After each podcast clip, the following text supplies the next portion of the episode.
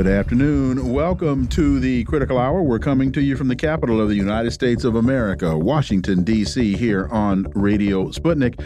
I'm your host, political scientist, author, and nationally syndicated columnist, Dr. Wilmer Leon. I'm joined here by my co host, political analyst, Garland Nixon. Thank you, Wilmer. For the next two hours, we will explore and analyze the salient news stories that are impacting the global village in which we live.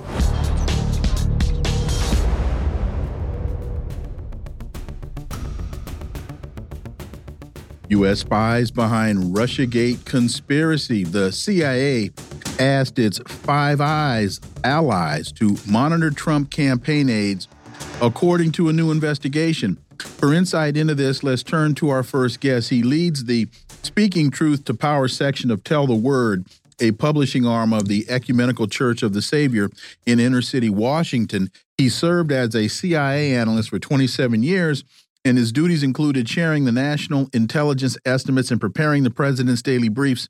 And in January of 2003, he co created Veteran Intelligence Professionals for Sanity, Ray McGovern. As always, Ray, welcome back. Remote location electronically penetrates operating systems, firewalls, or other cyber protection systems, and then extracts the data electronically. What we said here is all signs point to hack to leaking, not hacking. If hacking were involved, the National Security Agency would know it, and they would know sender and recipient, and they would be able to say more than simple circumstantial evidence. The last thing to include here is that that was on December 12, 2016. Finally, the House Intelligence Committee interviewed the head of the cyber firm who looked at the hacking, so called, of the DNC emails. His name was Sean Henry. He was an old, old operative from the FBI, and he runs a uh, cybersecurity firm called CrowdStrike. Now, they asked him, uh, Mr. Henry, um, what's his name? Uh, the uh, head of the House Intelligence Committee at, at some points. The fellow from from California. Schiff, yeah, Adam Schiff. Yeah, Adam Schiff.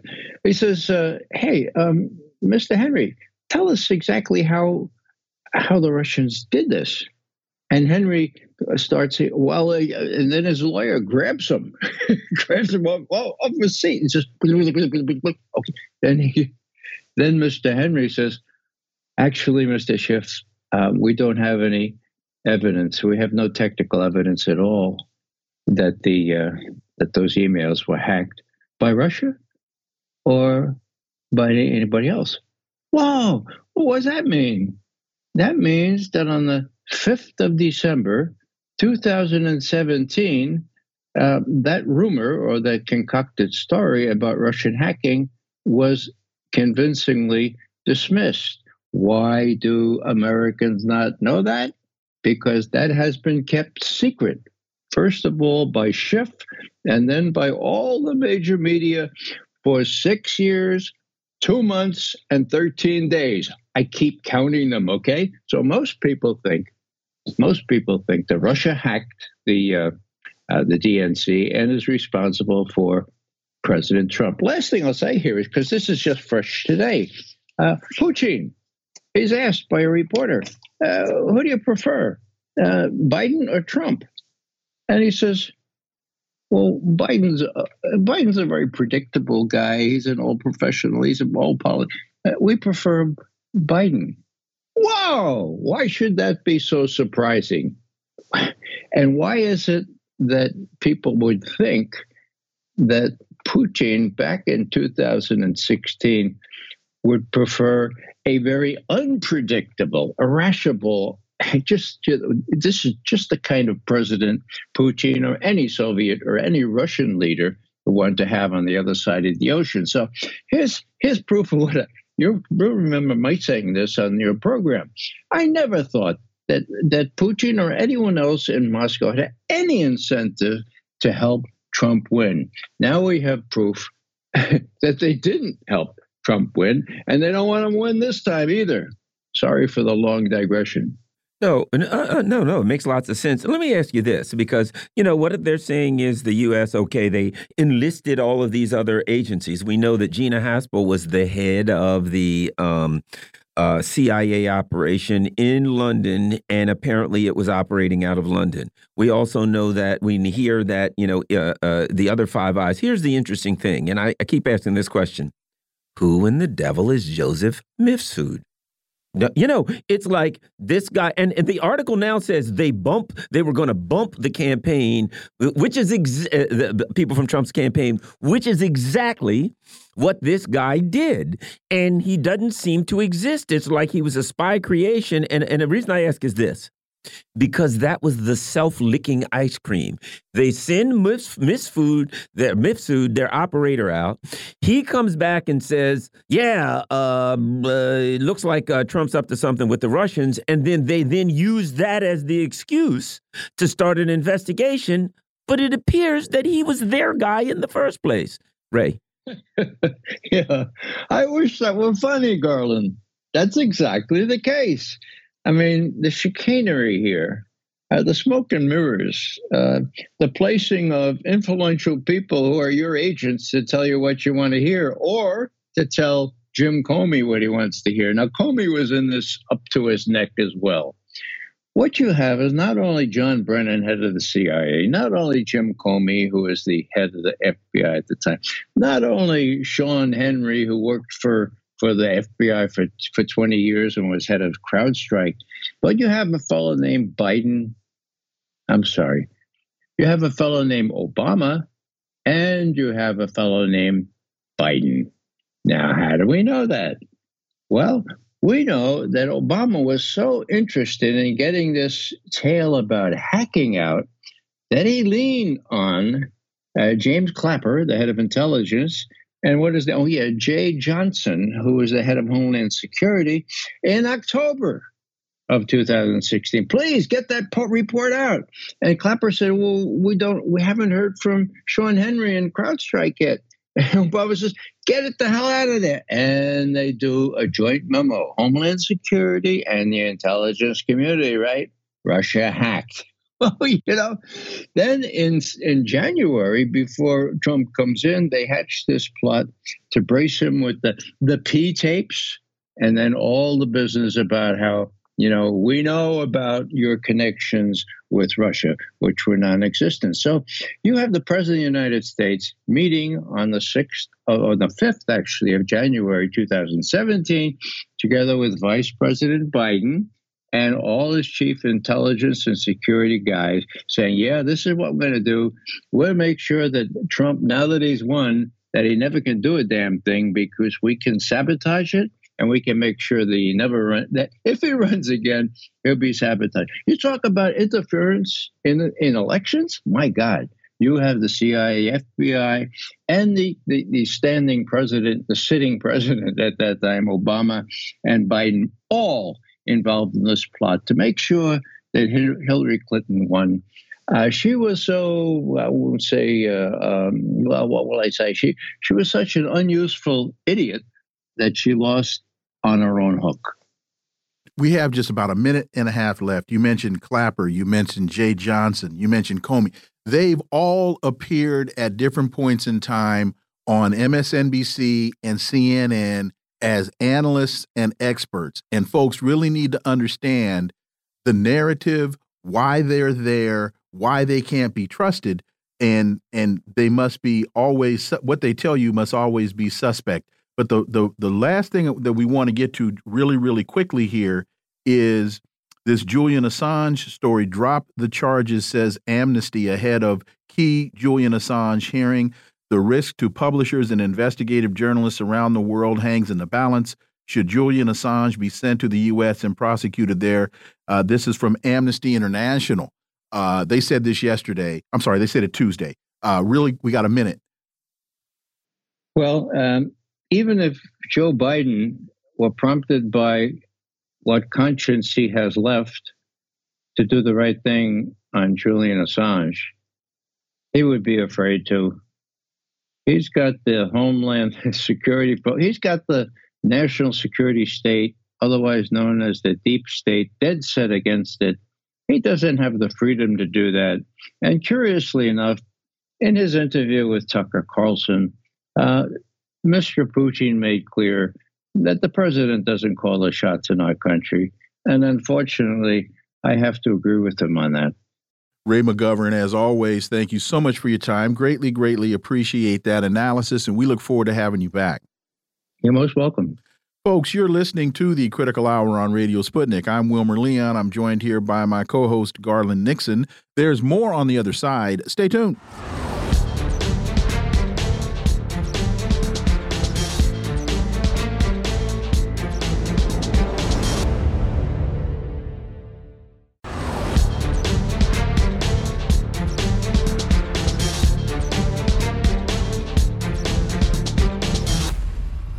We are back, and you're listening to the Critical Hour on Radio Sputnik. I'm Wilmer Leon, joined here by my co host, Garland Nixon. Thank you, Wilmer. Trump hearings in New York and Georgia today as trial schedule comes into focus. The former president attended a pretrial conference in Manhattan while some of his lawyers were in Atlanta. Hearing focus, and the hearing was focused on uh, the Atlanta DA, Fani Willis. For insight into this, let's turn to our next guest. He's one of the top lawyers in California, if not the country. His firm handles. Uh, his firm handles police misconduct, including excessive force, deadly force, false arrest, the entire portfolio. He's uh, argued cases before the Supreme Court. Attorney John Burris, as always, John, welcome back. Well, thank you. Good to be with both of you. So, in Georgia, the hearing is underway on motions to disqualify Fulton County District Attorney Fani Willis from the 2020 election racketeering case she brought against Trump. And the motion is based on allegations that she financially benefited from a personal relationship with her lead prosecutor in the case. And then Trump is in New York at a hearing as uh, the judge has denied his motion to dismiss the case brought against him related to a 2016 hush money payment to an adult film star. And now jury selection is set to begin in March on March 25th. Let's start with the with the Georgia case, uh, Attorney John Burris. You know, the Georgia case is um, become is unfolding uh, now, and it's kind of it's actually more disturbing than not, because Mr. Wade has been testifying all morning. He really admits uh, to the affair, which everyone knows, the open secret, of course. The issue that, that comes about, though, is whether or not this was a way to give money back to or money to uh, Fani Willis through their relationship. And part of the problem is that he did, did testify and has testified that, in fact, is they did go on all the trips. Everyone agrees to. There's record supported. But he also says that she paid him back in cash for most of these particular items on trips and did not, uh, but he does not have any receipts to support any of that. So it then raises questions about whether or not he is getting a benefit by hiring this particular person by giving him uh, money, uh, letting him make money that's substantial. I mean, even as it relates to his firm, they made a substantial amount of money during that process. So there's that question. But the biggest problem that they have of all that came clearly focused today, which I think is the more significant issue, did she and he lie on, a, on official document as to when the affair started. Each of them said that, through a legal document, that the affair started after he, in fact, was hired by her uh, to be uh, a chief prosecutor. A girlfriend, a friend, former employee of Miss Willis, testified clearly that that relationship had started way before he started working there, that it started as a consequence of them having met earlier at a conference. This clearly contradicts what they have said. It's an official document. The reason why that's important, of course, is it goes to their credibility and perjury if they, in fact, on a legal document said one thing and there's evidence that contradicts that, then that could cause them to be disqualified um, uh, from the individual case per se. So it is a critical issue. Now, whether or not she's truthful or not will depend upon whether the judge believes her or not. She is a disgruntled employee who was a very, very close friend of Fani Willis. They were college roommates. They were girlfriend, girlfriend, and the friends that you say, girl, girlfriends. But she was fired, and she was fired for not doing her job. And as a consequence of that, she has not spoken uh, to Fani Willis since that happened in 22. Uh, and she's obviously very upset with her. So the judge is going to have to come down to the whole question of the notwithstanding the payments of money, which I think are not as good and foolproof as one might say. I mean, one can spend their money however they want to spend their money, unless you can prove that it was given to a just in order to, as a way to, uh, um, uh, the kickback. And I don't think that that serves very well, even though the, the proof is such that it's just it's cash. On the other hand, there's a written document, a clear written document that each of them prepared that says that the relationship started after after they in fact has he had been designated as a, a, special counsel. If that's not true, and if the court feels that that was a, lie, then the court could very well say that I can't trust you to be the DA on this particular case, and very well may take a position that the entire department has to be disqualified from uh, this particular case. Sending this case off into the stratosphere to another department, who knows what can happen then? And the court could also say that I'm going to disqualify them from the case itself, but not the, the department itself. And that, that could happen as well. Or um, both Mr. Wade and Ms. Willis can resign from the case itself and let the department still have control of the case. These are some of the options that are still available, but I, but one should not ignore that these are serious allegations that are being made. And now that you have live testimony that's been presented, it's going to make it very difficult for anyone to ignore that these two people engaged in conduct that was woefully uh, inappropriate at the time, particularly uh, given their various status that they were in. The other allegations against Mr. Wade that he's not competent, not qualified, those are spurious comments that have no credibility because she can decide who she wants to have on the case. It can be qualified or not qualified. You don't have a particular standard to employ. Um, so that's not an issue. The issue is going to ultimately, ultimately be did she, in fact, lie on a statement that has been sent to the court on an official document as to when the, the affair started or not. Um, in re in relation to how this affects the the, the actual case at hand, uh, two things. Number one, if they weren't dismissed, is that something that uh, the Trump lawyers could at some point use as a um, uh, use as grounds for an appeal? Number one, and number two, um, as far as the progression of the case, because I'm sure the Trump people want to drag it out as long as possible. How long does this thing happen? And at that point, what options does, if you were the Trump's lawyer and you wanted to drag this out as long as possible, what options would that give you to drag the timeline out on this? Well, what, the, what they're going to say, of course, is the entire department should be disqualified. And if that's true, then it has to go to another department, another DA's office in the state, and that DA's office has to take time to reevaluate, go through all the grand jury items that are taking place, maybe institute, institute another grand jury. That could be indefinite. I, I, would say if that were to occur, this case never gets tried again. It will not be on the court's calendar.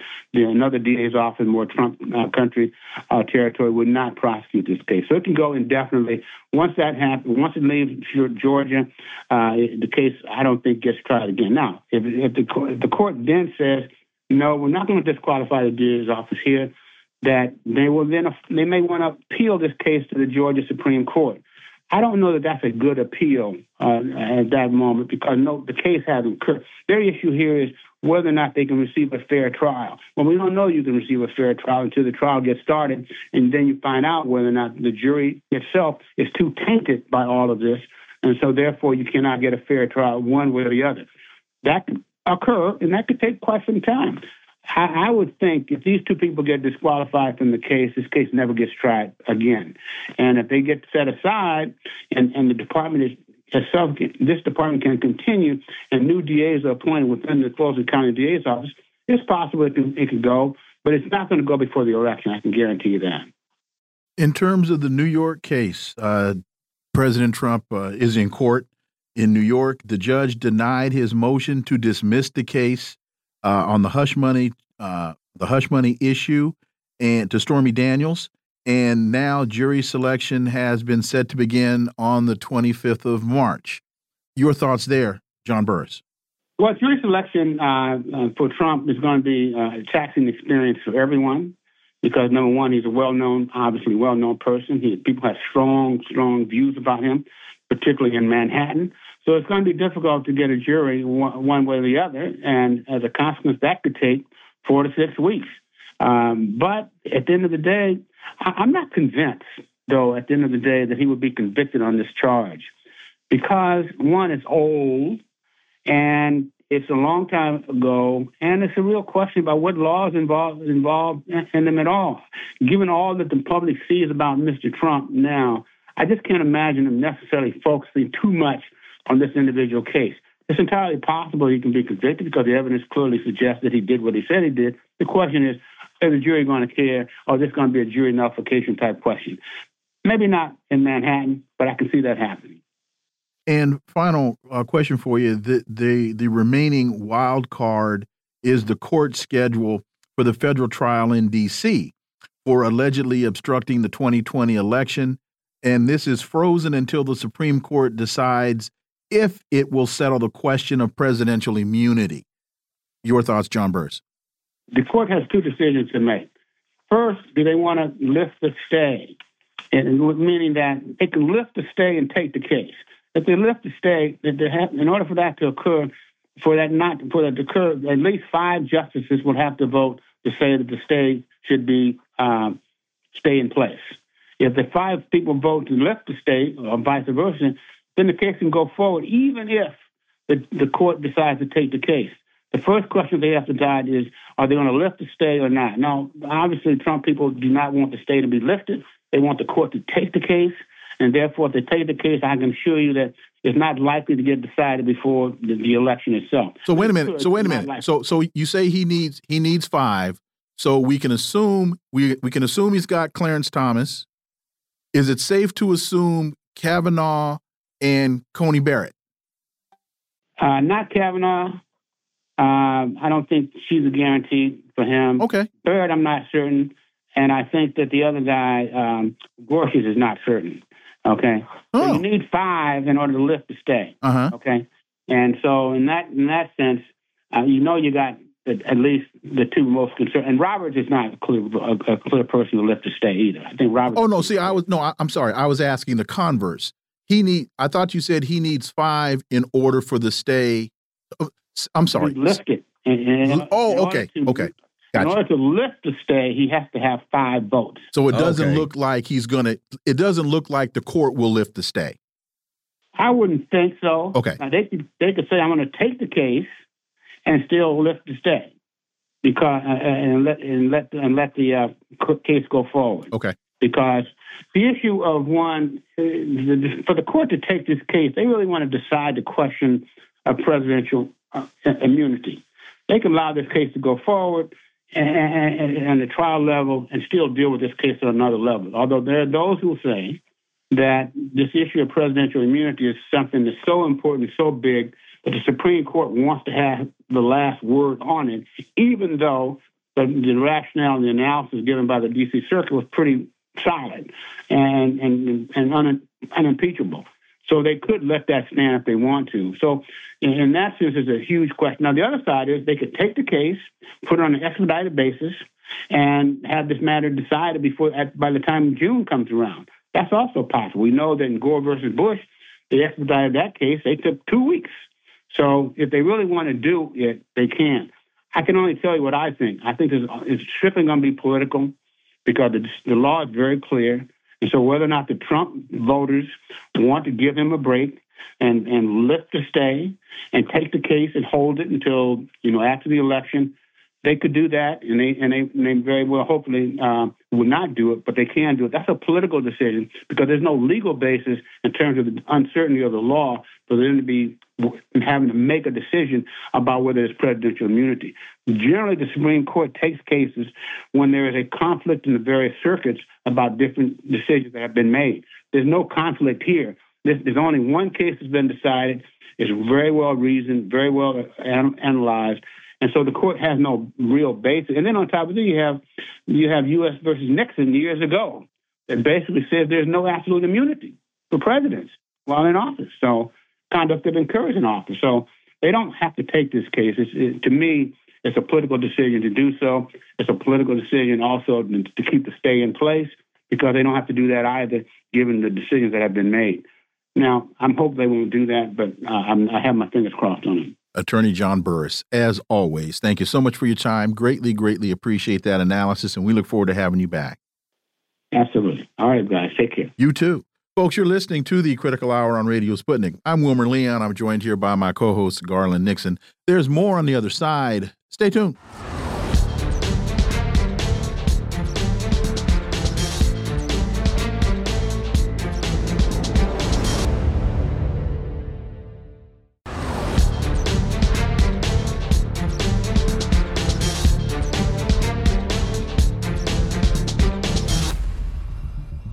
We are back, and you're listening to the Critical Hour on Radio Sputnik. I'm Wilmer Leon, joined here by my co host, Garland Nixon. Thank you, Wilmer. Black Agenda Report has a piece entitled, quote unquote, Democracies Deny the Popular Will While Suppressing Protest and Dissent. What is democracy? Dictionaries provide a variety of meanings, but in general, they define it as rule by the people which includes the election of representatives in a legislature or a parliament. Most people here in the United States, 61%, according to one poll, want a ceasefire in Gaza. That number is significant, but it shows no correlation whatsoever with how the state acts. For insight into this, let's turn to our next guest. She's the senior editor and senior columnist at Black Agenda Report and author of Prejudential Black America and the Presidents, and she's the author of this piece. Margaret Kimberley. As always, Margaret, welcome back. Thank you so much. You write, even worse than the sparse number willing to speak for what the people want, those who say they want a ceasefire are duplicitous in their own case. Democratic. Let me say, at, when I as soon as I read read your piece and I read that sentence, Van Hollen's name uh, popped right into my head, and then you write, Democratic Senator Chris Van Hollen of Maryland, and we talked about this yesterday, has visited the Rafah border crossing and was licensed. Uh, uh, uh, uh, I'm sorry, was incensed that Israel is preventing aid from getting through to Gaza. In a speech on the Senate floor, he called Israeli officials war criminals. But when push came to shove, he was pushed and he voted to send $14 billion in aid to Israel it seems that elected representatives see no actu actually represent uh, see no need to actually represent their constituents. And Margaret, one could argue that by calling Israel a war criminal and then agreeing to send them $15 in aid to pursue their criminality, he has now become complicit in the crime. Margaret Kimberley. Yes, and you know, I I, I feel that uh, Senator Van Hollen and others like him may actually be worse because they pretend. You have people like uh, uh, Lindsey Graham who says, We got to hit Hamas, we got to destroy Gaza. No, I don't care how many civilians die. And then you have Van Hollen who gives this impassioned speech, uh, and they're war criminals, and then votes to give them money. So I think they actually do more damage because if at the end of the day, he's doing what the people don't want the government to do He's going along with the uh, ethnic cleansing, Israel's ethnic cleansing plan, which the Biden administration is um, uh, completely in agreement with. So uh, that's just one example, of, and not just in the U.S., where these elected supposed representatives do the opposite of what people want. And we could, you know, this is true in so many areas, but I, I excuse me, I feel like what's going on in Gaza right now is a great example. You know, Margaret, and we look at the countries that are hated, you know, these uh, evil socialist countries like Nicaragua, I read that 76% of the people there support the government. China, upwards of 90%, which doesn't surprise me because they pulled 800 people, million people out of poverty. So the we see this democracies versus autocracies. But if you're judging forget words, democracy, autocracy, etc. If 76% of the people are happy with the country, if the leadership, if 90% of the people are happy with the leadership because their needs are being met, and you can't get those kind of numbers here in the United States, it seems like something's a little wrong. Margaret. Oh, yes, because they, they don't represent the people. They represent our oligarchy. They represent corporate interests. They represent the military industrial complex. They represent um, uh, imperialism. They represent control by the state. And so this, uh, you know, people talk about Trump. Trump can't be president because he'll destroy democracy. My first response is we don't have that anyway. Um, you know, regardless of whatever else you want to say about him, we don't have that. I think it's important to stop saying that the U.S. Uh, or any of its allies, Canada, the NATO nations in Europe, they are not democratic. They do the opposite of what their people want. And we have to stop helping them to uh, cover up. You, you go on to in your piece not only to talk about what's happening in the United States, but you talk about uh, what's happening in France. You talk about what's going on in in with Dutch civil servants. Uh, talk about the international implications of all of this. Well, in the Netherlands, uh, uh, someone, thank goodness, leaked a letter from uh, uh one cabinet level ministry to another that read in part, What can we say so that it appears Israel is not committing war crimes? Not, we don't think Israel is committing war crimes. It's, we know they are, but what can we say that makes it look as though they aren't? Um, you had civil servants uh, protesting. I mean, the fact that this letter was leaked is a protest. But you have the prime minister, soon to be former prime minister, running to Israel, standing by Israel. All um, uh, the Netherlands is selling uh, parts for F 35 fighter jets. A court told them they had to stop, and the government is going around the court in order to do it anyway. Also on Black Agenda Report, I advise everybody to go to blackagendareport.com for these stories. An excellent outlet. Uh, Tamara Nasser writes, U.S. President Joe Biden has come to be known as Genocide Joe over support for Israel's genocide of Palestinians in Gaza. Genocide Joe sets the tone for the U.S. election year. And Margaret, it seems to me like they're planning on at some point they're going to jettison this guy who won't even know he's been jettisoned, actually. And um, send, send somebody stick somebody else in there. But I don't think that it, that it's going to work. The genocide Joe thing is going to stick to whoever because I think it's the it's the party that's being viewed as as a party to this international crime. Your thoughts? Yes, this is a reprint from Electronic Intifada. Um, you know, Biden is the the Biden administration sees. Uh, uh, the public response to what Israel is doing as a PR problem to be managed. They do not understand that there is revulsion among millions of people and claiming that, uh, you know, they claim that Biden called Netanyahu an a hole.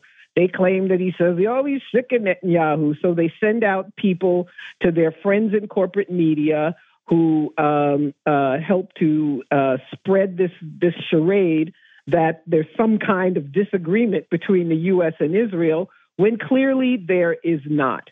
Um, and I, I don't believe that Biden is going to be the nominee.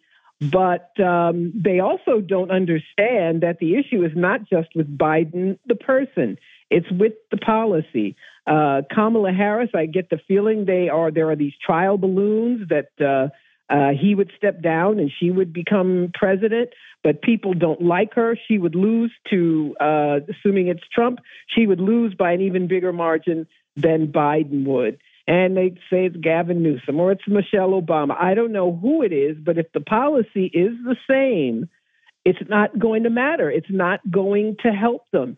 Uh, not only do people not want their public money to go to kill people in Gaza. Not only do they want to stop uh, uh, making Ukraine the 51st state, but people want the government to work on their behalf. And when it comes to what people here need and want, we're always told no. There's always a reason why we can't have the things we want. They can turn on a dime, they have their little theater where the immigration bill fails. Uh, but they are cooking up another immigration bill to say the same thing. They've delinked it from Israel and, and Ukraine, but uh, they always find a way to do for the people the interest they want to do for. And that's another reason for uh, disgust, for apathy. And people are sick of being insulted and being told, well, people don't uh, know how much Biden's done because they're just too stupid to know that they're doing so well. Um, So that sort of thing is going to uh, dog this uh, Democratic Party, and we see this split, and it's a good thing. There's a split in the Democratic Party. That's what we need to have happen. Um, so this crisis is not something to be afraid of. It's uh, actually something that's quite positive, in my opinion.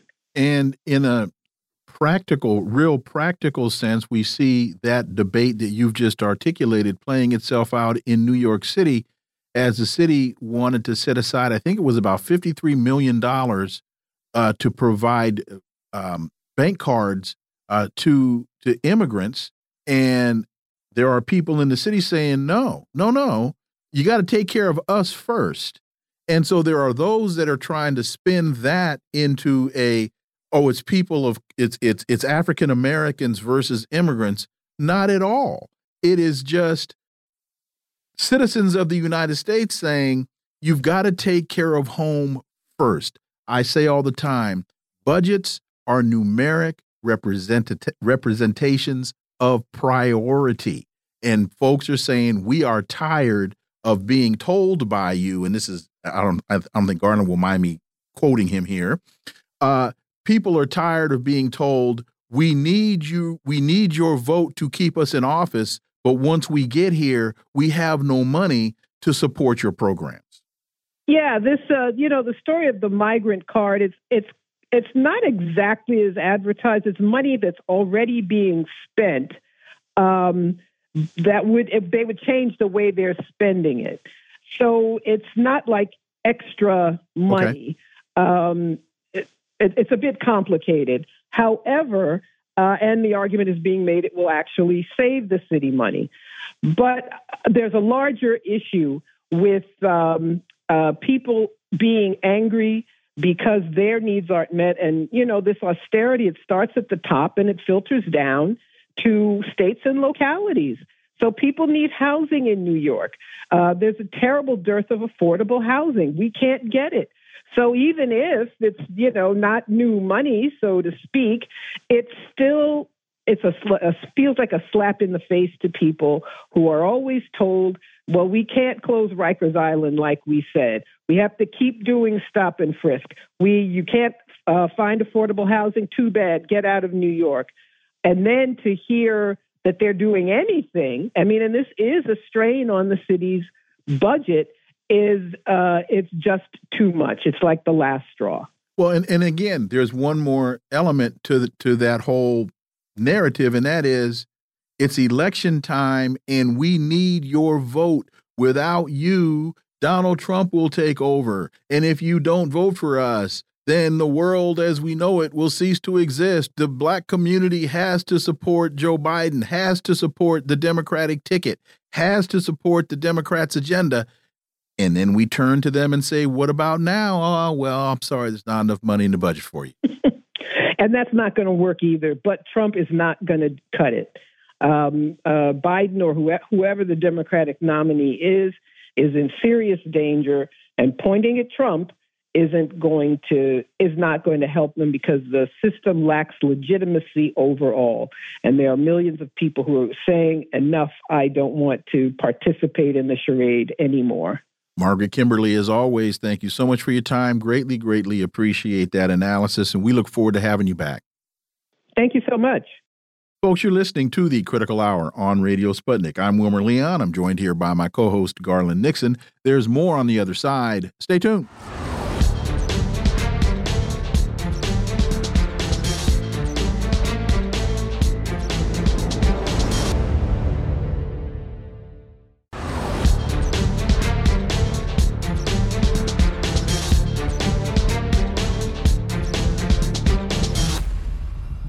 We are back, and you're listening to the Critical Hour on Radio Sputnik. I'm Wilmer Leon, joined here by my co host, Garland Nixon. Thank you, Wilmer. Covert Action Magazine has a piece entitled Biden Administration is Silent as Former Pakistani Prime Minister is sentenced to 10 years for revealing how the U.S. pushed for his removal. For insight into this, let's turn to our next guest. He's the managing editor at Covert Action Magazine, and he's the author of this piece, Jeremy Kuzmanov. Jeremy, welcome back. Thank you. It's great to be with you. So you write the Biden administration claims that U.S. foreign policy works to uphold human rights and democracy while contain, containing rising authoritarian powers such as Russia and China. But the Biden administration has voiced no outcry over the arrest of Pakistan's former Prime Minister Imran Khan, who just days ahead of parliamentary elections on the February on the 8th of February was given a 10-year prison sentence for revealing state secrets about how the U.S. pushed for his removal from power. Jeremy Kuzmanov. Yeah, well, uh, you know, now and since the elections have taken place, and actually his party did very well in those elections, uh, it shows, you know, he's a very popular figure. Uh, some of the reason that the U.S. wanted to remove a key reason seems to be that he was not going along with the aid to Ukraine. Uh, he didn't want, you know, Pakistan supporting that and wanted to take a more neutral position in that conflict. And, and the U.S. wanted him out. You know, they want absolute obedience and compliance and they were supporting leaders favored by the Pakistani military, which uh, basically orchestrated his ouster, uh, basically pushed for this uh, no removal vote in the parliament that uh, forced his removal as president, and, and, then he was put up on these kind of trumped up charges uh, and given draconian prison sentence it seems to me with the latest election that while they were able to, you know, and, and, and uh, let me add this, there was an attempt on his life. I think some of his bodyguards were shot, somebody was killed.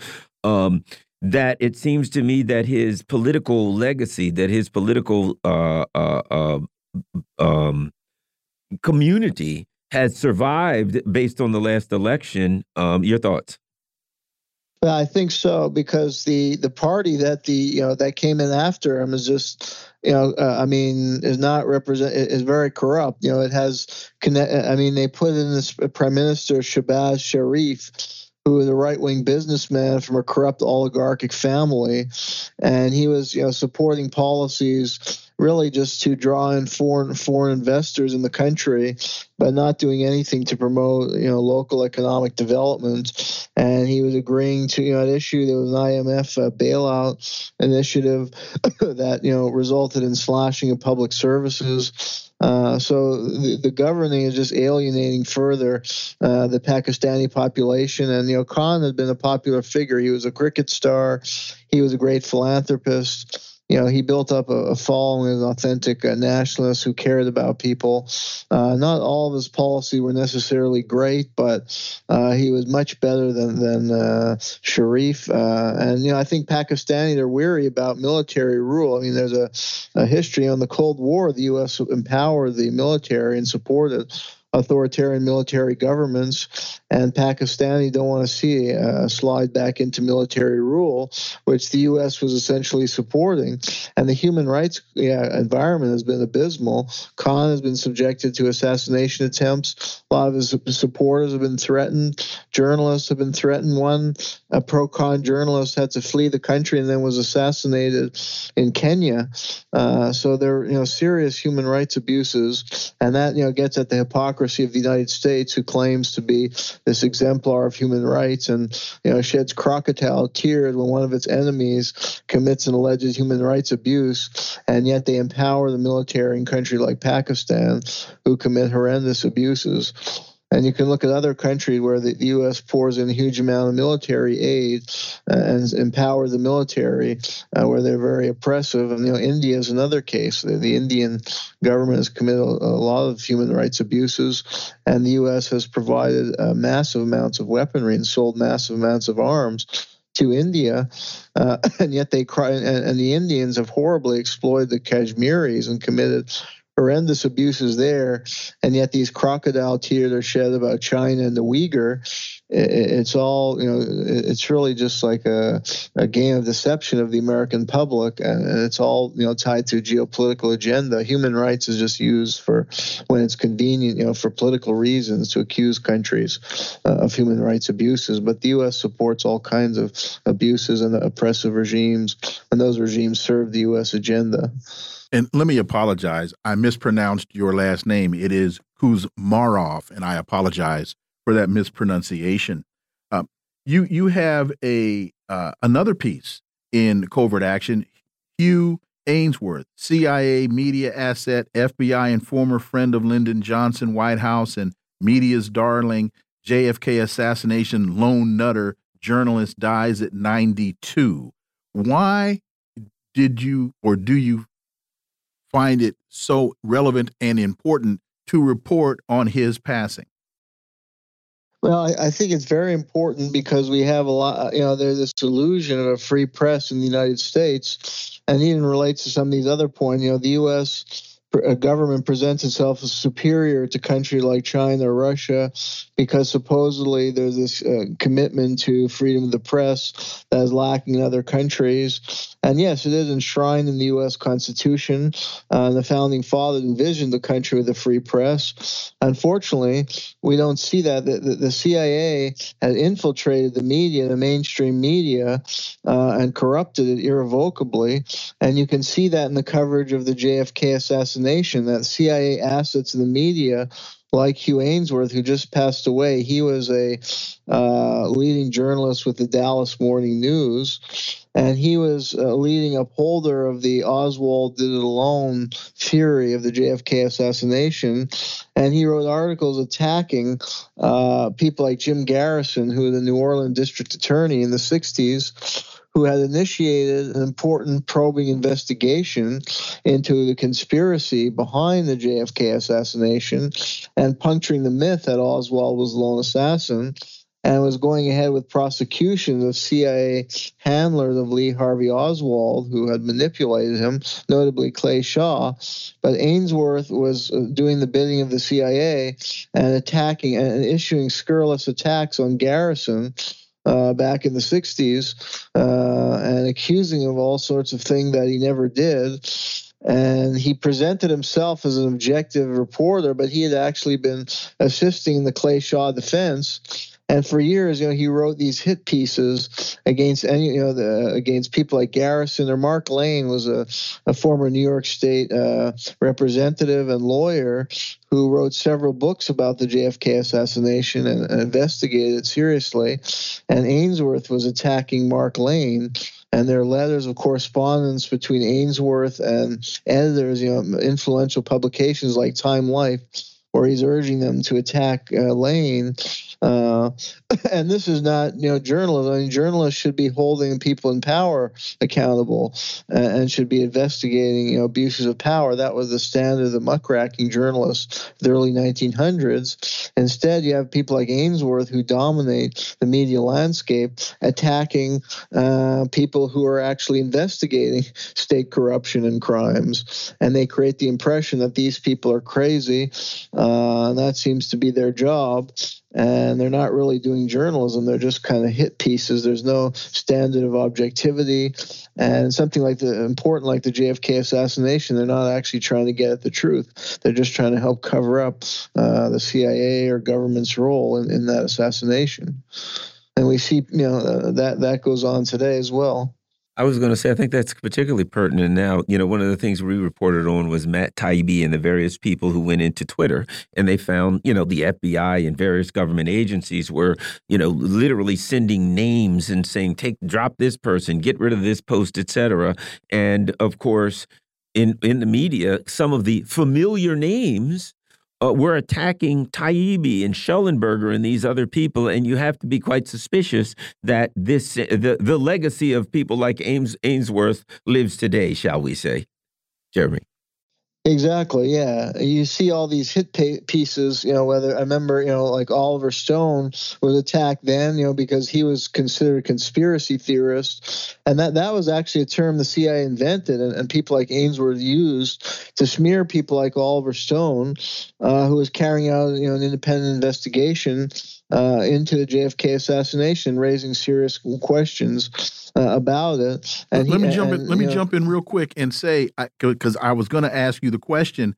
I I've read that it was this 1967 memo that you reference at the top of your piece where the term conspiracy theorist was used that that's where it fell into the general parlance of of of America that that that was the source of the term conspiracy theorist Exactly. The CIA sent a memo to its media assets and I guess top media executives that I was very close with that anybody who questioned the Warren report, which concluded that Lee Harvey Oswald was the lone assassin, although there were serious flaws with the Warren report, anyone who questioned that should be labeled a conspiracy theorist and demonized. And they continue that today. Like I was saying, Oliver Stone was accused of being conspiracy theorist uh, because of the investigation of the JFK assassination. Then, when he interviewed Putin a few years ago, because I did an article on that, uh, before Tucker Carlson, you know, Oliver Stone had interviewed Putin, and he was similarly attacked and uh, maliciously derided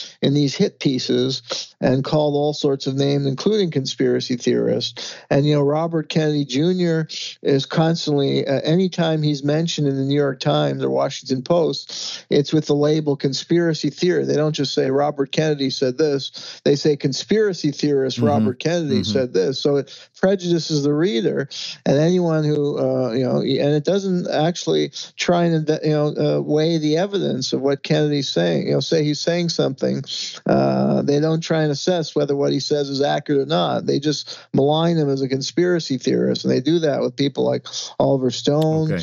Or any journalist. Yeah, like Matt Taibbi, if he's investigating corruption, they start attacking him, uh, and that that label is often applied. Conspiracy theorists in this way to silence any investigation and demonize reporters uh, who want to probe into the truth. Jeremy Kuzmarov, thank you so much, and I got the pronunciation correct that time. Thank you so much. As always, look forward to having you back. My pleasure.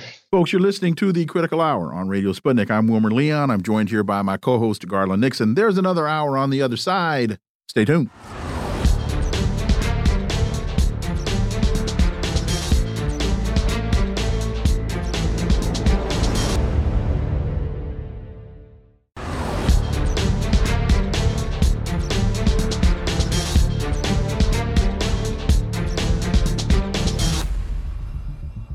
We are back, and you are listening to the Critical Hour on Radio Sputnik. I'm Wilmer Leon, joined here by my co host, Garland Nixon. Thank you, Wilmer. Washington promotes Venezuelan opposition candidate, setting the stage for delegitimizing the presidential election. For insight into this, let's turn to our next guest. He is with the human rights group Task Force on the Americas, which was founded in 1985, and he's the author of this piece. Roger Harris Welcome back. Good, good to be with you. So you write uh, Venezuela's Bolivarian Revolution marks its 25th anniversary this month, despite continuous U.S. led hybrid warfare to overthrow the socialist project. The U.S. has been relegated to vetting candidates for the upcoming Venezuelan presidential election, while still egregiously interventionist. The imperial power has failed to achieve outright regime change there's a lot going on here, uh, uh, Roger, that we can't look at in a vacuum because this is just one of the most current or recent examples of U.S. regime change efforts in the region. Yeah, yes, that's ab absolutely correct. There's been a number of regime change efforts. In some ways, Venezuela is key because of the leadership it's taken regionally in terms of regional integration. And that's why it's so important for the United States to prevent Venezuela from prevailing. And this is just the latest in a long series of incidents of, of a like nature and uh, it seems to me that um, the you you know when you look at the Venezuela election, if I'm if I'm in Venezuela, someone has tried to you know blow you up, hang you, and and and cut your throat, cut your throat, and now they're coming and saying, you know, we we we we want to give you a hand in this task that you're trying to do. At this point, I mean, I, I think it's obvious to Venezuela that the U.S. is just looking for alternative methods to overthrow the government and steal their oil. Roger. That, that, that, that's correct. I mean, let, us put this into some sort of perspective. What gives the United States the right to vet the Venezuelan election? For instance, this is absolutely open. USAID um, has pledged five fifty million dollars this year to influence the Venezuelan election. Now, if the Russians announced that they had spent fifty million dollars or had pledged fifty million dollars to, to, for the U.S. election, everybody would be up in arms. What gives the United States the right to do that? But what gives the United States the right is that it's an imperial power and wants to maintain that imperial power. And so it's doing everything it can to rig an election. And if they can't successfully rig the election, then they, they, will call the election fraudulent. And, and that happened in 2018 when they refused to recognize the, the last election in Venezuela. And I think they're setting up the same scenario this time. In fact, that was going to be part of my next question is is that really the the the agenda here? Knowing that uh, Maria Corina Machado can't win or won't win that by backing the failed candidate they're setting up the narrative that the election was fixed even though it's the US trying to fix the election. So if you could speak to that. And is Maria Corina Machado is is she really Juan Guaido in drag? uh, I, I, won't answer that question, um, but um, figuratively, she she, she is um, the, the the chosen candidate, particularly by the Republican Party in the United States.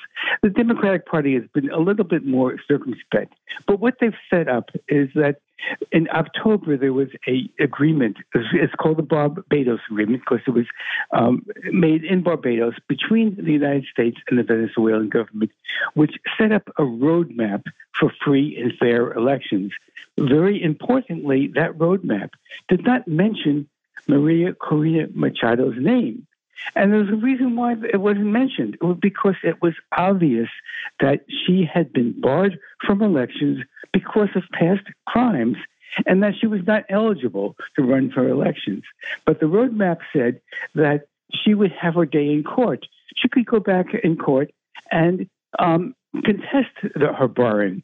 She did uh, do that. Uh, in fact, it's kind of a little bit side, sidetracked. She originally said, I will not go back to the Supreme Court because I don't recognize them.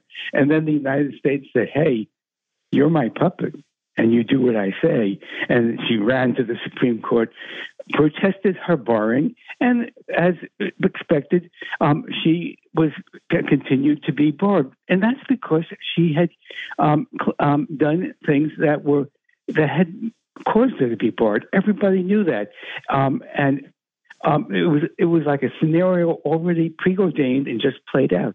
In 2002, um, there was a coup, a U.S.-backed coup in Venezuela, um, and she signed the infamous Carmona decree, which set up the coup government. Um, subsequently, um, she was given amnesty, but then in 2014, she um, we she forfeited her citizenship. What did she do? She um, took a diplomatic position in another country, that was Panama, to um, testify against her own country at the Organization of American States. And according to the Venezuelan constitution, you forfeit your citizenship when you take on a diplomatic post for a foreign country. Subsequently, she was involved in a number of corruption schemes, um, has continually called for U.S. heavy sanctions on a country, which, by the way, makes her very unpopular in Venezuela. She's much more popular on um, in Washington than she is in Venezuela. And she is called for coups. And most recently, she has been implicated in coup attempts um, there. So she didn't have a legal um, grounding to be a candidate because her um, candidacy had her eligibility had been forfeited. The United States knew that. And if they had wanted her to be um, the candidate legitimately, they would have put her in the Barbados agreement. But her name doesn't appear there. So what we see is a setup, and that and that's what's playing out right now. You talk about a February 7th, uh, 7th uh, House Foreign Affairs Committee. It's a bipartisan roundtable called the the fight for freedom in Venezuela. They want to free those people of all of that oil. That's what they want to free. They want to free them of all their natural resources and their their uh, their their democracy and their liberty. But talk a bit about what, what you know. What what do we need to know about that particular House Foreign Affairs Committee the uh, meeting, the fight for freedom in Venezuela? That's right. So on February 7th, uh, uh, Maria Salazar, she's the Democratic Republican representative from Florida, um, she called this meeting. It was a bipartisan meeting, and it was a love fest between the Democrats and the Republicans. They both said um, there's no differences between Democrats and Republicans because we're all one on Venezuela. That is, one on regime change in Venezuela. And so um, Machado got a chance to speak before the committee.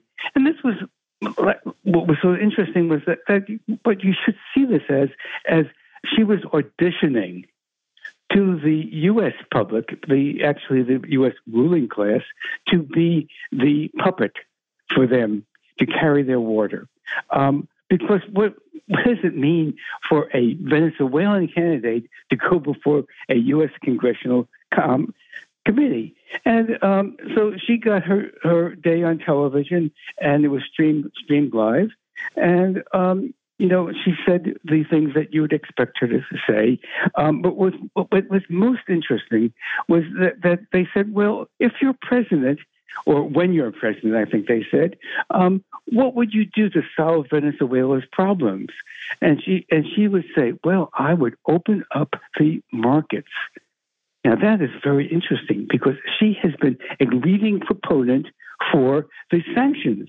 The sanctions by the United States are the very, very instrument that closed the markets in Venezuela.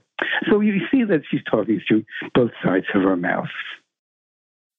Are there parallels to be drawn between Venezuelan nationals living in Florida and Cuban nationals living in Florida and Haitian nationals living in Florida? Because these these committees, these hearings, they're set. They seem to be set up by uh, Floridian representatives, such as um, uh, the woman that you just mentioned, um, Salazar. Salazar, and and and the other. Usually, when these issues come up, they're Republicans from Florida that are that are raising these concerns and holding these hearings. Yeah, uh, these, these folks, um, uh, and Machado is a good example of a person whose popularity is much greater in the United States in Venezuela. Um, she is an opposition candidate, um, and she is part of the opposition. But you have to sort of get a picture of what the opposition is in Venezuela. It's not like here where we have a two-party system. So the you know the Democrats are the party that's in, and then the Republicans are the opposition. In Venezuela, the opposition is made up of a huge field of tiny sects. Her um, group called Vente Venezuela. It's just one of those many six. And the fact is that the United States has spent tens of millions of dollars every year interfering in Venezuelan politics, trying to unify the opposition, and they've been unable to unify that opposition. So they've picked one person who's particularly articulate, particularly photogenic, and particularly right wing and they have sort of fingered her as the sort of um, poster child for the op- opposition. But in Venezuela, unlike in Miami, she's not very very well liked. Um, the there, there was a what they called a opposition primary. Now, this is a very interesting thing. I was just reading a New York Times article about that today. The United the, the Times calls it a primary, not the primary. Why? Because this was a primary that the United States, as in Venezuela, primaries are usually run by the official election authority. This was a privately run primary that her own organization, an NGO called Sumate, which, by the way, in the past has taken NED funds, uh, a cutout for the CIA, the, the, Sumate ran and administered this primary. And so she won that primary, interestingly, by 92%, which is itself suspicious because there was over um, a dozen candidates, yet she got 92% of those votes. But this, this was a primary that was a private primary, it wasn't um, by the election authority. Further, the, um, the, the, the polling places for the primary included private houses, not public places like schools, which are usually where um, polling places are. And uh, most suspicious was as soon as the primary was over and the votes were counted, they were counted manually, not electronically. the ballots were destroyed so that there was no way to prove that she actually won the primary. This resulted in a number of other opposition leaders saying the primary was fraudulent. But uh, from the point of view of the U.S. mainstream press, she won the, opposition primary, even though that primary was a very problematic affair. Elaborate a little more about what, what you describe in your piece as her political baggage, because she's been involved in uh, in you call the uh, Carmona Decree, which was uh, establishing the short-lived coup government, uh, um, deposing Hugo Chavez. I mean, she's been in this game a long time. Right. Yeah.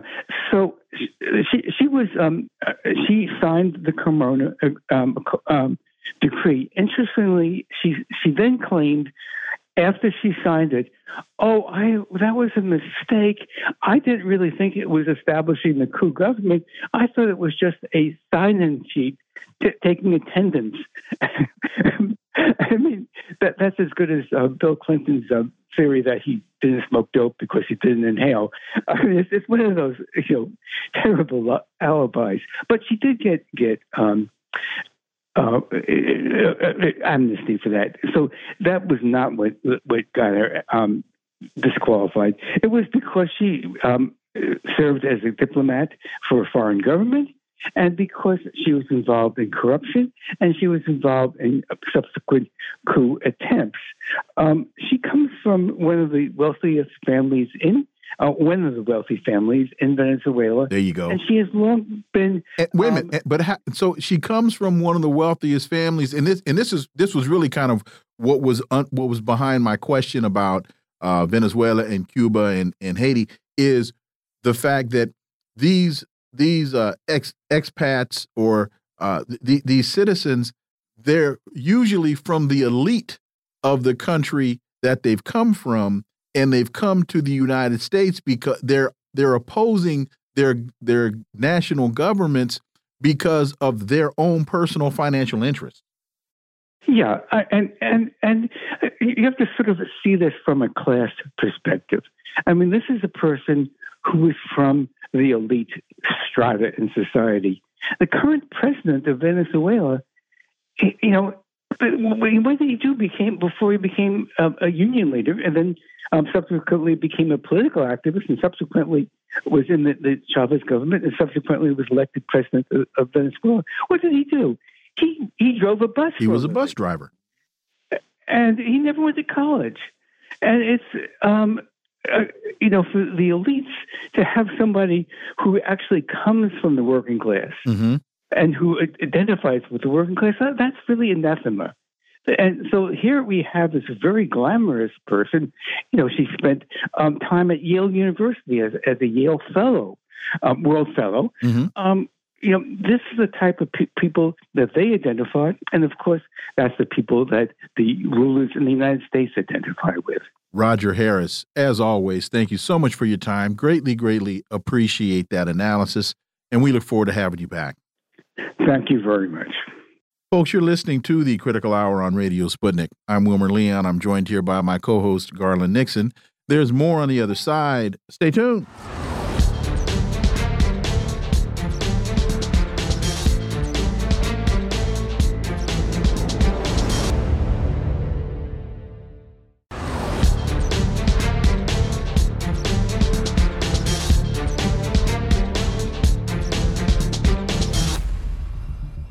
We are back, and you're listening to the Critical Hour on Radio Sputnik. I'm Wilmer Leon, joined here by my co host, Garland Nixon. Thank you, Wilmer. Middle East Eye reports war on Gaza. Israeli forces kill Palestinian after telling him to warn others to evacuate a hospital.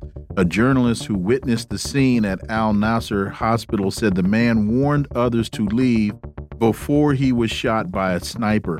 For insight into this, let's turn to our next guest. He's the host of the Left is Dead podcast, James Carey. As always, welcome back. Always good to be here. So, Middle East Eye reports Israeli forces shot dead a Palestinian man this past Tuesday after sending him into Al Nasser Hospital in Khan Yunis to warn others to evacuate. According to video testimony, by a Palestinian journalist, um, which was shared on local media. The man was detained and arrested in the hospital before being sent back to tell others that they needed to leave the building. Quote, when he finally left the hospital after doing what he was told, the Israeli soldiers shot him. He was shot three times in cold blood in the vicinity of the hospital. Uh, James Carey, I, we've been saying this for the last couple of weeks. When you think it can't get any more gruesome, any more heinous, it they seem to find a way. James Carey.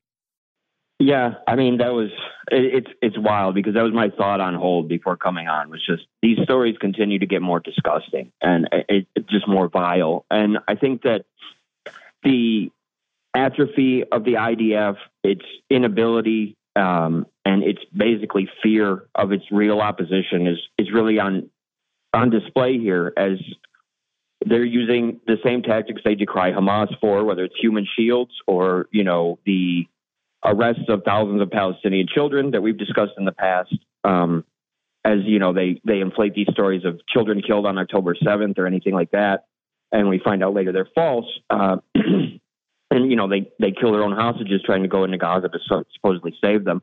I, I think that the, the real the projection coming off the IDF is just so strong at this point that if you can't see that this is exactly what they're about, you have to be intentionally missing it. Yeah, and and you know the other thing that you get from this is here's my first thought when he walked out of the hospital, you know, whoever the snipers were at a distance maybe probably didn't know he just worked with people or whatever. He was just another Palestinian and anyone they saw, they were going to shoot in cold blood. That what we're seeing is like Itamar Ben Gvir saying, "Oh, if they're out there, they should be shot in the head." Basically, a complete reckless, not just a reckless uh, regard for human life, but an assertive intent to kill as many innocent, unarmed civilians as possible, purely genocidal intent. Well, and not only that, but to add to that, they're told to move into a in a particular direction or they're told to move into a particular space and then they are killed in that space. So it, it's it you know they're i'm going to use the term to represent the the mindset of the zionists. They're just herding cattle. That's that's all they're doing. Yeah, I, I think that's what makes this so disgusting because after the, the man is told to warn everyone in the hospital to evacuate, what do they do but start shooting people in the the entryway of the hospital at the gates of the hospital? I mean, they just told them to essentially line up targets for them, and I, I think that you see this. You know, this sort of it's a disgusting analog, but you see this sort of disgusting analog to say, uh, you know, some of the horrible crimes of World War II, this sort of corralling and penning of people. And I think that you see this a lot in Palestine and, and obviously all of Gaza. Gaza is a pen. You know, that's what it was made for. Um, and I think that the, the, fact is that the Israeli military seems pretty cowardly. They seem pretty inept, in my opinion. And I think that this is pretty standard order for them. They just want to line up targets. And as you said, any Palestinian is a Palestinian. Therefore, their, their life is not as valuable as an, as an Israeli's. And I think that the, the fact that people can't see how these crimes sort of repeat genocides of the past is really baffling to me because it, it's so obvious that there's just no regard for civilian life in this case. English Al Mayadeen uh, reports U.S. and U.K. attack Yemen's Hodeida for the ninth time in one day. And what we see, you know, I read an article uh, on this the other day, but ba basically what we're seeing is this the Biden administration coming out and saying, okay, we're going to attack Yemen. We know it doesn't do any good. It's not going to affect anything. It's not going to change what they're doing. It's not going to change anything. But we're just going to keep doing it because I don't know. I guess it's just what we do. Your thoughts on the U.S. and the UK continuing to attack him? And, and I got to add this because they're the the weakest power in the region. So you're like, they're the weakest people. I guess that's who we got to punch on, so we can come home to the U.S. and say, look at us, we're fighting against I don't know whatever. Uh, Jim. Yeah, I mean, they're the only ones without direct access to U.S. military forces. If you're in southern Lebanon, northern Syria, northern Iraq, things like that, it, it's a little bit different, right? Because you can actually, you know, these quote unquote Iranian backed militias and things like that can actually reach U.S. troops. And obviously, the U.S. knows that bombing Yemen isn't going to do any good because if it was going to do any good, the last decade of bombing Yemen would have solved something, right? And nothing has ever changed. And I think it's important to highlight that the U.S. tries to pretend like, well, this is a new front or we haven't been at war. But I mean, the U.S. has been fueling the war on Yemen for its entirety. Uh, the Saudi bombs that have dropped were all American made. And I, I think that they know the strategy is ineffective, but this is what the empire seems to be able to do best now. I, I think I've said it before, not here, but this is an empire of virtue signaling, essentially. It knows it can't do anything. Look at the war in Ukraine, where we just dump a bunch of money into a war everybody knows isn't really winnable. It's the same thing in, you know, opposing Iran. We know we can't actually go to war with a power like Iran, and we can't. Nobody wants to go to the Middle East. Nobody wants to return to Afghanistan. So, what can the U.S. empire do besides try to virtue signal and try and look like it's strong to its partners? But everyone sort of knows that the game is up. I mean, it can't not that they want to, but if they wanted to steer Israeli policy, they could. But the U.S. doesn't control anything. I mean, even NATO partners are shaking now at the prospect of, you know, having a Trump back in office, which obviously they're scared of. But even allies can't trust in it. So the U.S. is really much like the IDF with the hospital. I think it's showing how weak it really is by just trying to carry out these, you know, show attacks and real and trying to act like some progress is being made while at the same time admitting no progress is being made. It's the same way they admit no progress is being made in Israel and Gaza because no funding is stopping, right? You can have 800 rounds of talks, the same as they have in Yemen, but nothing gets resolved when you have an empire that's unwilling to admit that it's lost something, I think. We didn't send this to you, and we may have spoken with you about this a day or two ago, but Hassan Nasrallah gave a speech a couple of days ago, and he said, quote, in light of what is happening in Gaza, the national interest of the countries of the region comes even before the Palestinian interest, which is for Israel to be defeated. And they say that not only did he say it, but he stressed it. That to me is a call to arms for the countries in the region. Everybody in the pool is is is how I interpret that. Um, your thoughts?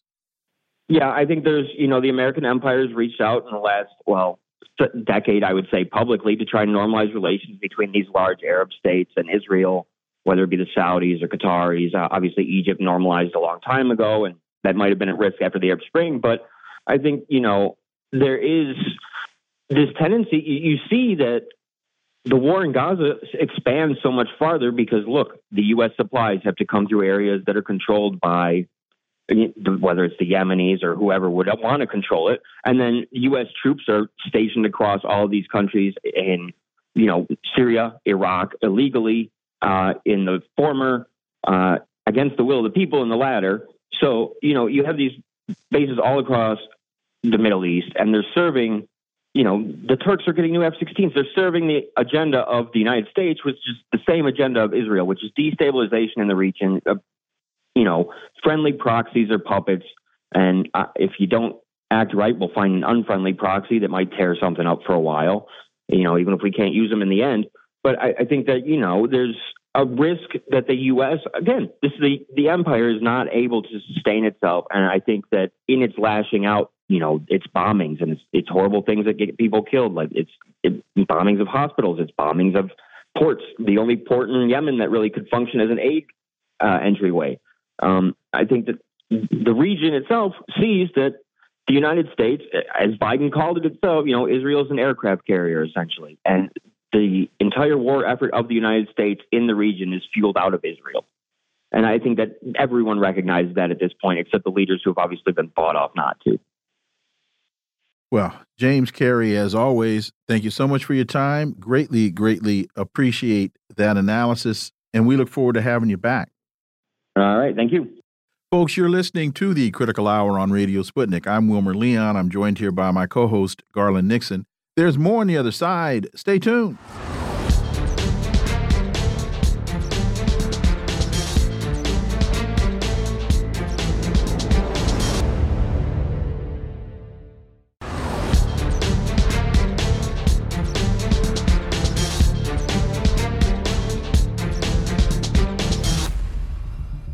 We are back, and you're listening to the Critical Hour on Radio Sputnik. I'm Wilmer Leon, joined here by my co host, Garland Nixon. Thank you, Wilmer. Officials sound alarm about new Russian so called space threat. Russia has been experimenting with ways to disable satellites, raising concerns that classified intelligence about a new weapon could indicate a strategic threat to national security. For insight into this, let's turn to our next guest. He's an international geopolitical consultant, global speaker, author, veteran, and former international security analyst in Washington, D.C. He's the founder of Global Perspective Consulting, which is headquartered in Dallas, Texas. Dr. David Oualaalou, as always, welcome back. Pleasure to be with you, Wilmer. So the story continues Russia is developing a space based military capability that members of Congress and U.S. officials worry could pose a significant threat to the United States and its allies, possibly by damaging critical intelligence or communication satellites with a nuclear weapon. This is according to officials familiar with the matter. Two things. One, the timing of the release of this story seems interesting and I would say is no pun intended targeted like a laser to damaging uh, Donald Trump. And the other thing is, I've heard some members of Congress and other so called analysts saying that what Russia is allegedly doing here is egregious and in, is in violation of, I think, a 1986 treaty but when the United States created the Space Force, didn't that violate the treaty from the get go? I'm laughing, Wilmer, uh, not out of laughing, but out of sadness. The way how we start to rationalize when you have those voices coming out of Washington spewing lies, basically. This is not about Russia, by the way. They're just making the the uh, the narrative geared towards that, uh, like you said at the beginning, at the timing of it. Because here's the thing two things just happened. One of them is that North Korea launched a, a spy satellite. Okay, and we all know what it means. Uh, second one is that China completed its uh, International Space Station, and in now it's working in conjunction with the Russians to further now some research lab on the other side of the moon. The concern that the U.S. has not only from the on, uh, not from the Russian aspects only, but the Chinese as well, is that where our fear is that if now the laser technology that the Chinese are developing over in space, so is the Russians are able to blind our satellites, which means we will be blind. We can use uh, uh, uh guided missiles and so forth. It will be over. That is where the concern and fear that we have, because when we kicked out the Chinese out of the space station under Obama's uh, authority because it was a bill passed in Congress. What did Chinese do? They said, sure, we'll go and build our own. And now you have Russia, of course, advanced when it comes down to space. You all see where this is going. You know, Dr. Oualaalou, uh, uh, you know, am I out of line also looking at it, thinking that there are other factors here? For for instance, I mean, you know, it doesn't just have to be one thing. Number one, they're begging for this Ukraine money, that this could be, oh, the Russians are scary and we've got to really weaken them. So we need $100 billion to send to Ukraine, not really Ukraine. And the other part being that the Putin interview has taken up the oxygen in the room and maybe they're looking for a way to grab some of the oxygen back. Well, for sure. I mean, uh, if anybody on the right mind listens to the interview, the Russian president pointed out exactly what Americans have not heard from their own government.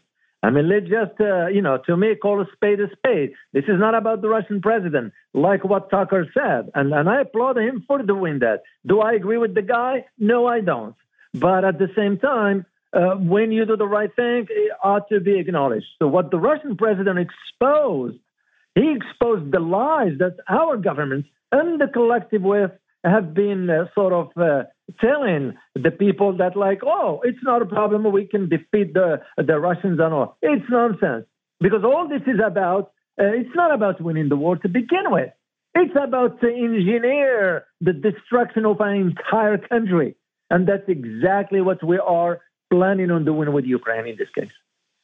Sputnik International reports Kremlin weighs in on White House's secret briefing to press Congress to boost Kiev funding. Uh, they, the U.S. will hold a closed door briefing on a serious threat to national security uh, on Thursday. The media, citing sources, reported that the threat is related to Russia. I can't comment on that at all. Let's wait and see the uh, for the briefing to see if there will be any information. But it's obvious the White House is trying to get Congress to vote on a bill to give money to Ukraine. What your your your thoughts on it, I, Dr. Oualaalou? Well, well, I, I, found it very ridiculous for even the government to be our government in this case sending our tax dollars, especially now because of the elections. They wanted to appear that we still stand together. When we, you and I know, Wilmer, I'm sure your listeners know that that NATO is a relic of the past. Correct. It's useless. And this is why they get concerned when the candidate president, uh, uh, former president rather Trump, uh, indicated for that, well, we're going to have to think twice about NATO and all that stuff. It's becoming clear. The role of NATO is irrelevant. It's nothing but fomenting more tensions.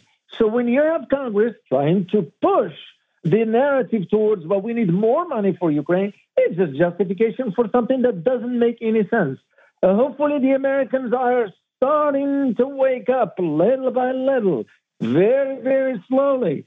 But at least they are starting to say, well, wait a minute, where this is going to end? Will it ever end? And what's in it for us?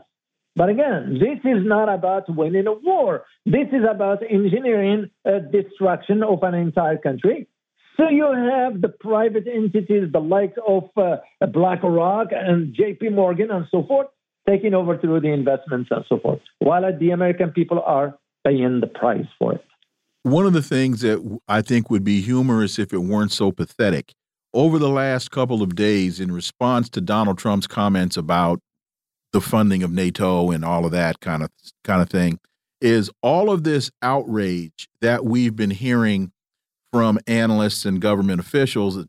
How dare Donald Trump encourage Russia to attack NATO, which is not at all what he was doing. But they don't talk about the fact that the United States attacked a NATO member when it blew up Nord, the Nord Stream pipeline. That was an act of war against Germany, and Article 5 would then require the other NATO countries to come to Germany's assistance in any manner that they saw fit. So the United States, just like violating the, the peace treaty about war in space by creating the Space Force, they have already violated Article 5, but none of the analysts want to point that out.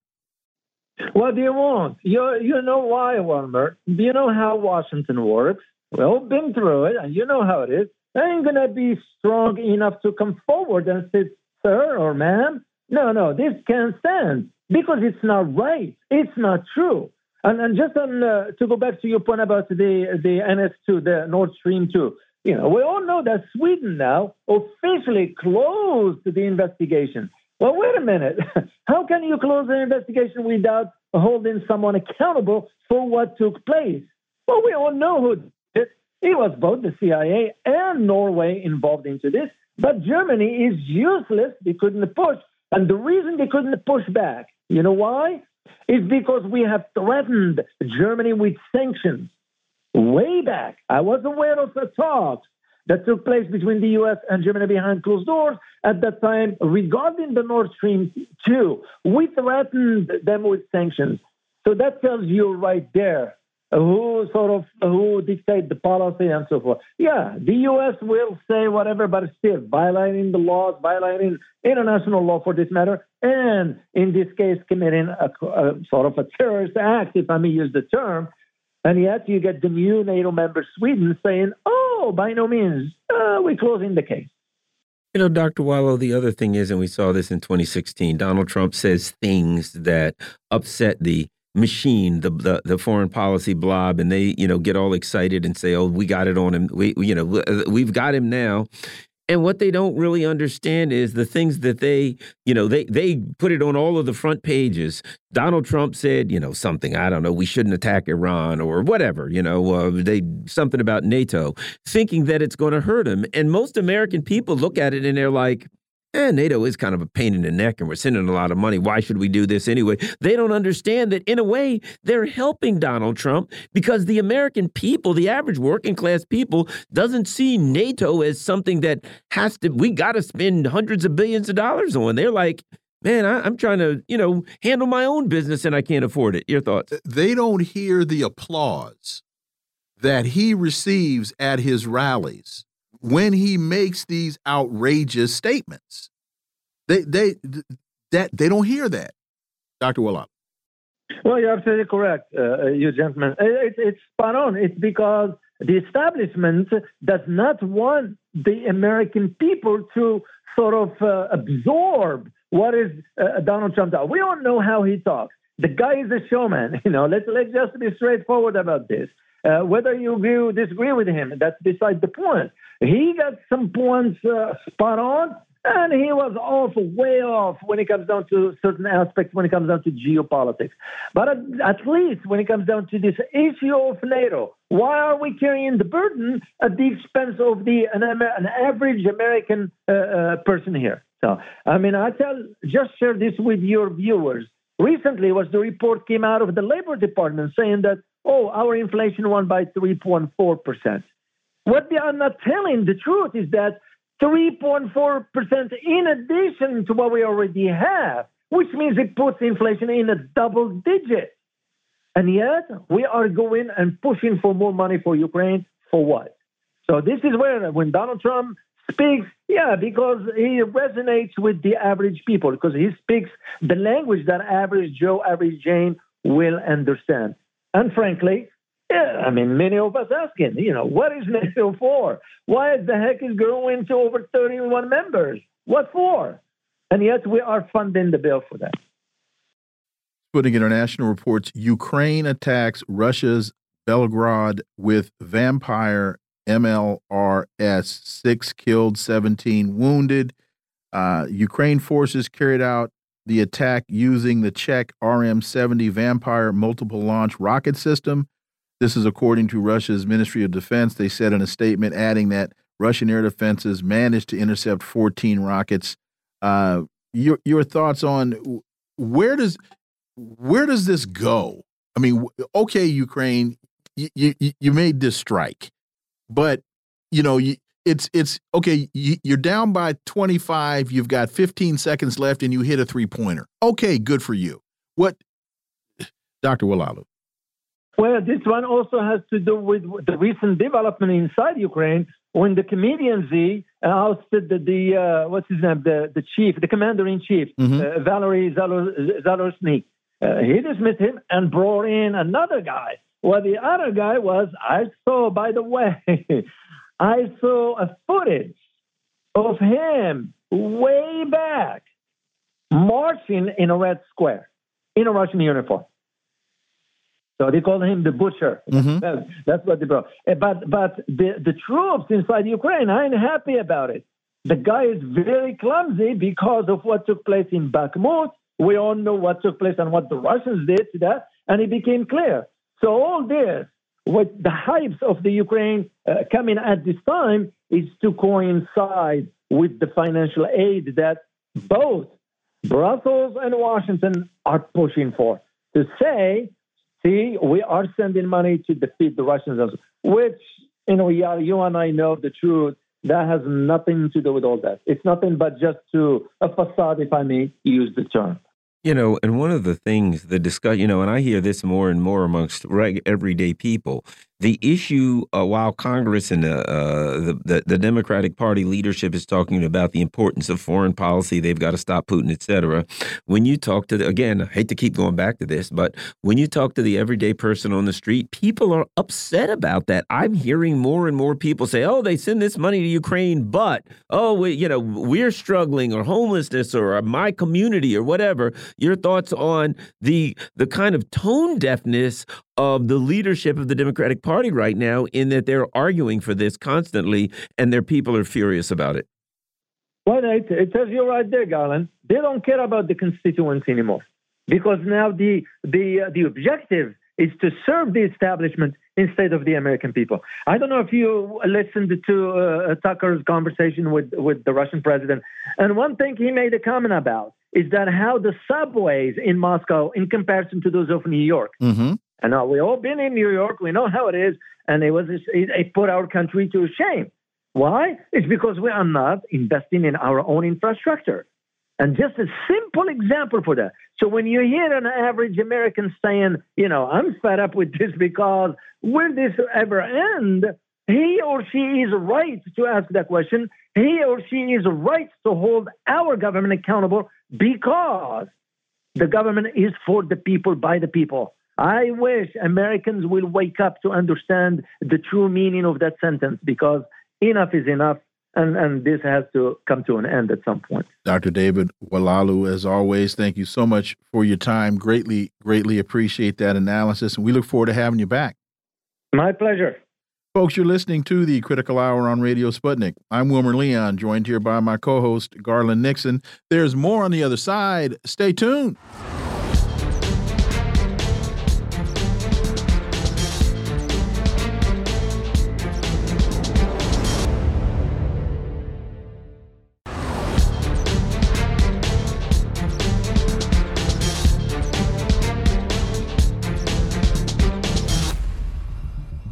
We are back, and you're listening to the Critical Hour on Radio Sputnik. I'm Wilmer Leon, joined here by my co host, Garland Nixon. Thank you, Wilmer. Military.com reports in major overhaul. Air Force and Space Force will roll out new ranks, training, structure to compete with China.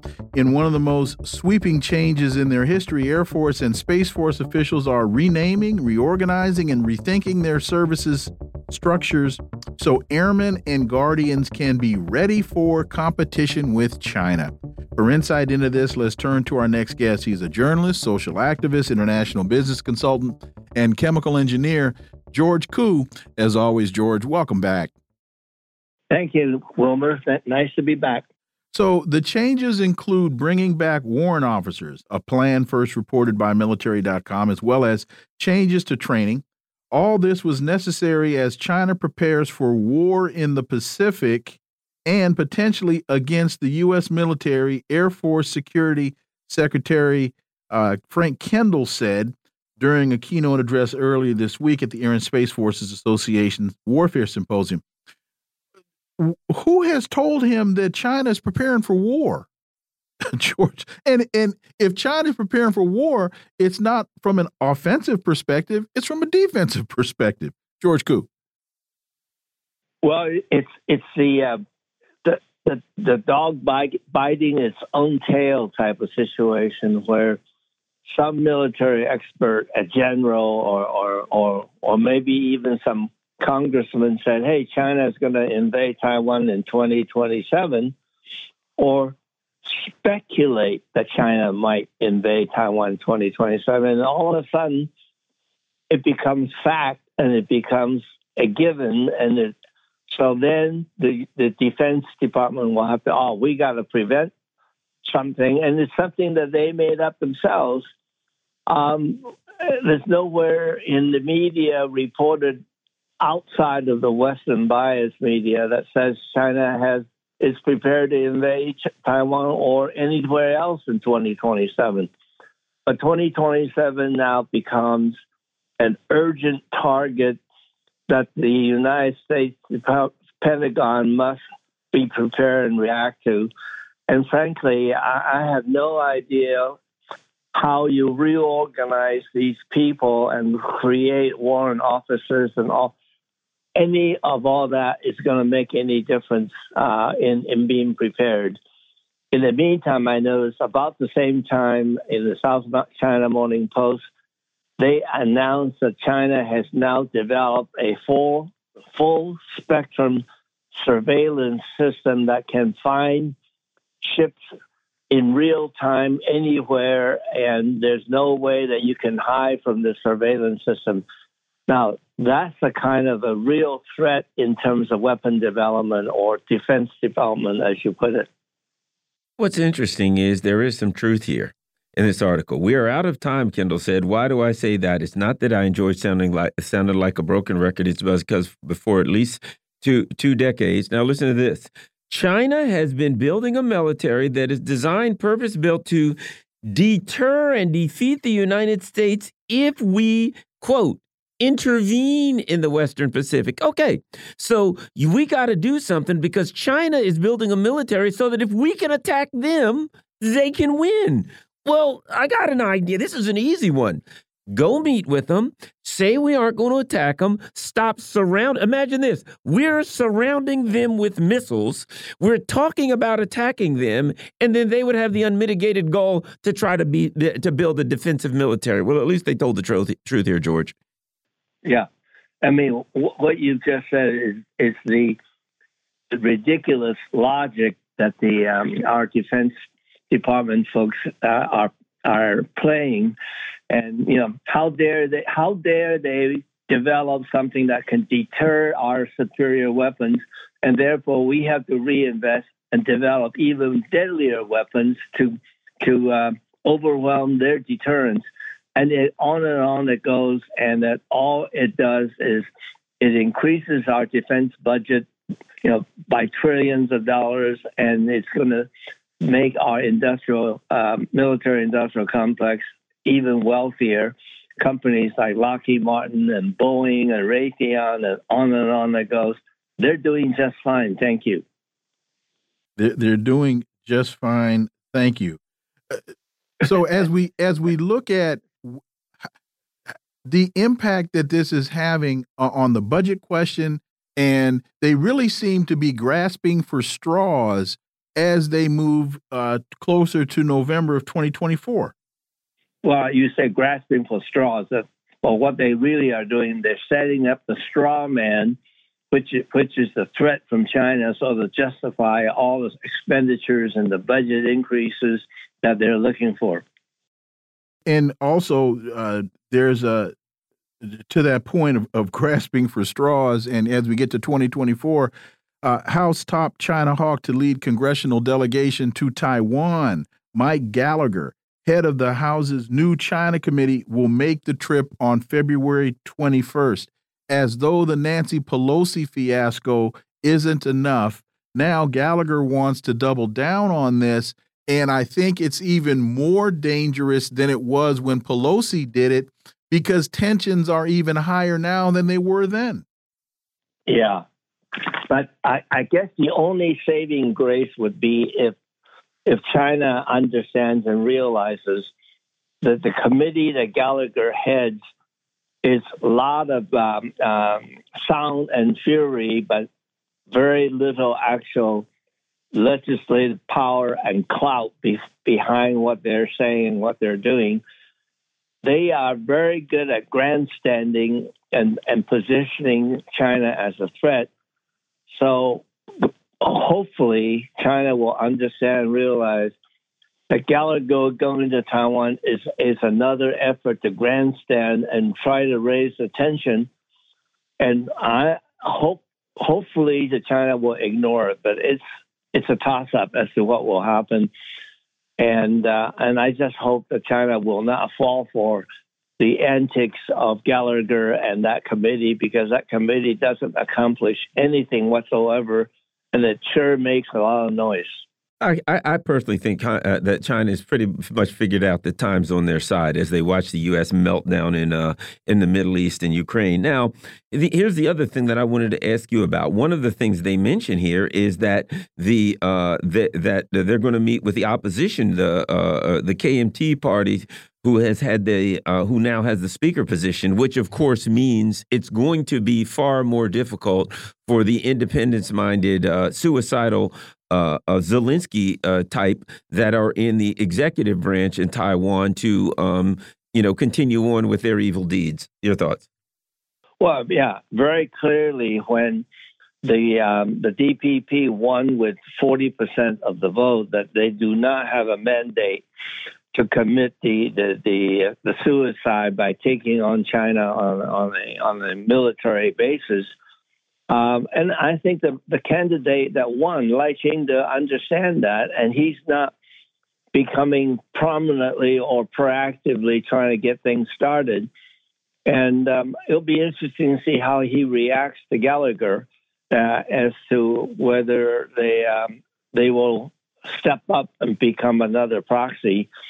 You know, in fact, right now, I think it's been pointed out that the little Marcos, Marcos Jr. in Philippines – uh, seem to be more willing to take on China uh, uh, as a proxy fighter than uh, than Taiwan is. uh, to the to the detriment of the Filipinos. Um, the head of the legislature from KMT, he was the unsuccessful candidate from the previous presidential race, and um, they they will have a moderating influence on which way Taiwan goes. Um, they're probably going to be too polite to tell tell Gallagher to get lost, but um, but you know, basically, I think Gallagher is very unlikely to be able to provoke anything as a result of his visit. Probably not to the order or magnitude of a Pelosi visit. And uh, as we as we wrap up, and we look at, we were just talking about it at, at the top, the United States talking about revamping the the Air Force and the and the Space Force, U.S. to deploy five aircraft carriers in Western Pacific to show strength to China. Uh, the U.S. is likely to deploy nearly half of its aircraft carriers in the Western Pacific Fleet this year in a signal of deterrence against the increasing military activity in the region by China and North Korea. I guess ignoring the fact that it's those muscle flexing type of actions that are actually contributing to the increase. Exactly. Exactly. Yeah. How, how dare you provoke us into provoke us into um, showing the might of uh, of uh, sending all our carriers, whatever we have left, to the Pacific. And ironically, the the Chinese press, not just Chinese press, but the Asian press, reported how Sullivan flew all the way to Bangkok to have a meeting with Wang Yi when, at the time when the U.S. was being shot at by the Houthis in, Red, uh, in the Red Sea, and and they were unable and unable to do anything with it because they have no connection to influence Iran in that part of it. So they're looking at many uh, Ukraine on one side, Red Sea on the other side, and knowing not knowing how to extricate it, extricate itself. So they were looking and discussing with China how China can come and help them. George Koo, as always, thank you so much for your time. Greatly appreciate that analysis, and we look forward to having you back. Thank you, gentlemen. Thank you, George, as always. Folks, you've been listening to the critical hour here on Radio Sputnik. Thank you for allowing our voices into your space on behalf of myself and my co host, Garland Nixon. We hope you were informed and enlightened, and we look forward to talking with you all right here tomorrow on Radio Sputnik. Be safe. Peace and blessings. We're out.